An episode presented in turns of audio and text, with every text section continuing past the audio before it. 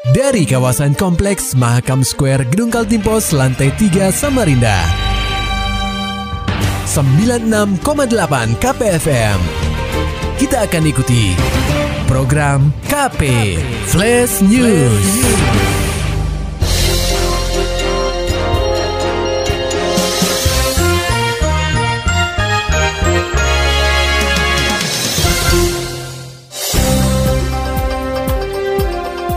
Anda sedang menyimak program KP Flash News bersama saya Agung Pratama. Pendengar KP, dua remaja asal Banjarmasin, Kalimantan Selatan diamankan oleh jajaran Polresta Samarinda karena terlibat tindak pidana perdagangan orang atau TPPO. Mereka adalah F yang berumur 19 tahun dan R yang masih berusia 17 tahun.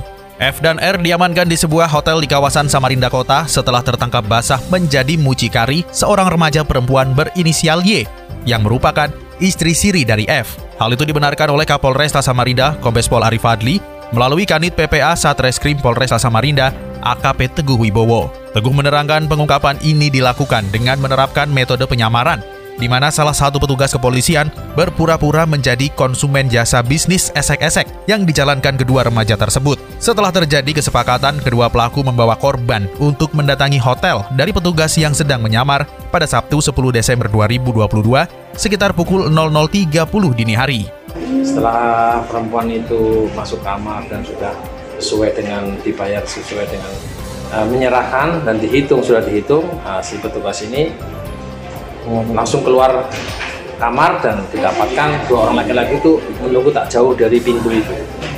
Nah, kemudian kita amankan, kita tanya, ternyata inisialnya cocok dengan inisial yang kita komunikasi di melalui handphone tadi itu. Itu dengan inisial R dan inisial F. Dari hasil penyidikan, Teguh menjelaskan bahwa ketiga remaja ini berasal dari Banjarmasin dan baru tiba di Samarinda dua pekan lalu. Mereka datang ke kota tepian untuk menikmati malam pergantian tahun. Lantaran waktunya masih lama, kedua pelaku membuka layanan esek-esek untuk mencari uang tambahan guna memenuhi biaya hidup di Samarinda. Dengan memasang tarif 400 sampai 800 ribu rupiah, salah satu pelaku akan mengantongi 75 ribu rupiah jika berhasil mendapatkan konsumen. Satu pelaku lagi akan mendapatkan bayaran 25 ribu rupiah. Sementara sisa uang yang diterima dari tarif yang sudah disepakati akan diambil oleh korban gitu. Emang benernya gitu? Iya sudah begitu. Remaja sangat terus dia ke sini bertiga itu ya untuk sekalian gitu menghidupi lah. ya untuk menghidupi kebutuhan. Ya makan ya penginapan ya apa ya ya memperkerjakan seperti itu. Berniat menetap di Samarinda atau cuma kalau cukup kembali lagi gitu? Jadi dia katanya menunggu sampai tahun baru. Baru aja. Ya mau menghabiskan malam tahun baru Samarinda kata Samarinda ra- rame gitu. Atas perbuatannya, para pelaku akan dijerat dengan pasal 2 ayat 1 Undang-Undang Nomor 21 Tahun 2007 terkait TPPO dengan ancaman hukuman 15 tahun penjara. Lantaran salah satu pelaku masih di bawah umur dan ancaman hukumannya di atas 7 tahun, maka pihak kepolisian tidak wajib melakukan diversi kepada salah satu pelaku. Berita selanjutnya pendengar KP, Pemkot Samarinda optimalkan kerjasama dagang antar daerah demi penuhi kebutuhan pangan jelang Nataru. Laporan selengkapnya akan disampaikan reporter KPFM Samarinda Muhammad Nur Fajar.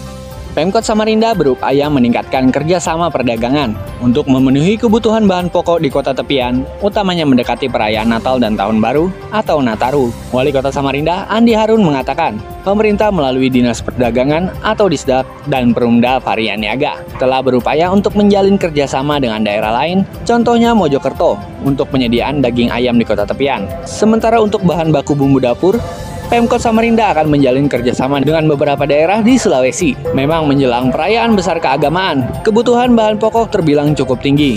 Sehingga ketersediaan stok mulai menipis dan membuat terjadinya kenaikan harga. Oleh sebab itu, kerjasama dagang ini sangat penting untuk dilakukan untuk menekan inflasi dan kenaikan harga bahan pokok akibat ketersediaan stok bahan pangan yang menipis.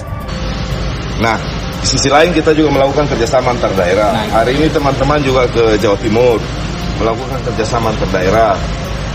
Hari ini makanya Pak Pak Dirut Varian Niaga tidak ikut serta. Dia izin karena mereka akan melakukan kerjasama antar daerah di eh, Jawa Timur. Kita juga sudah melakukan kerjasama antar daerah di Sulawesi. Pokoknya unsur pemerintah TNI Polri, Bulog, BPOM, dan semua pihak termasuk BI akan melakukan apa saja yang kita perlukan dalam rangka menjaga stabilitas perekonomian masyarakat. Sekuat yang kita mampu.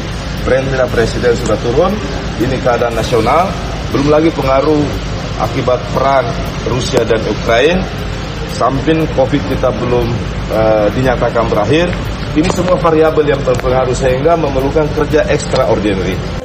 Lebih lanjut, Pemko Samarinda bersama unsur Forkopimda di Kota Samarinda akan melakukan segala cara untuk menjaga stabilitas ekonomi masyarakat dan harga pangan agar tetap dalam kondisi stabil tanpa adanya gejolak. KPFM Samarinda, Muhammad Nur Fajar melaporkan. Muhammad Nur Fajar, KPFM Samarinda.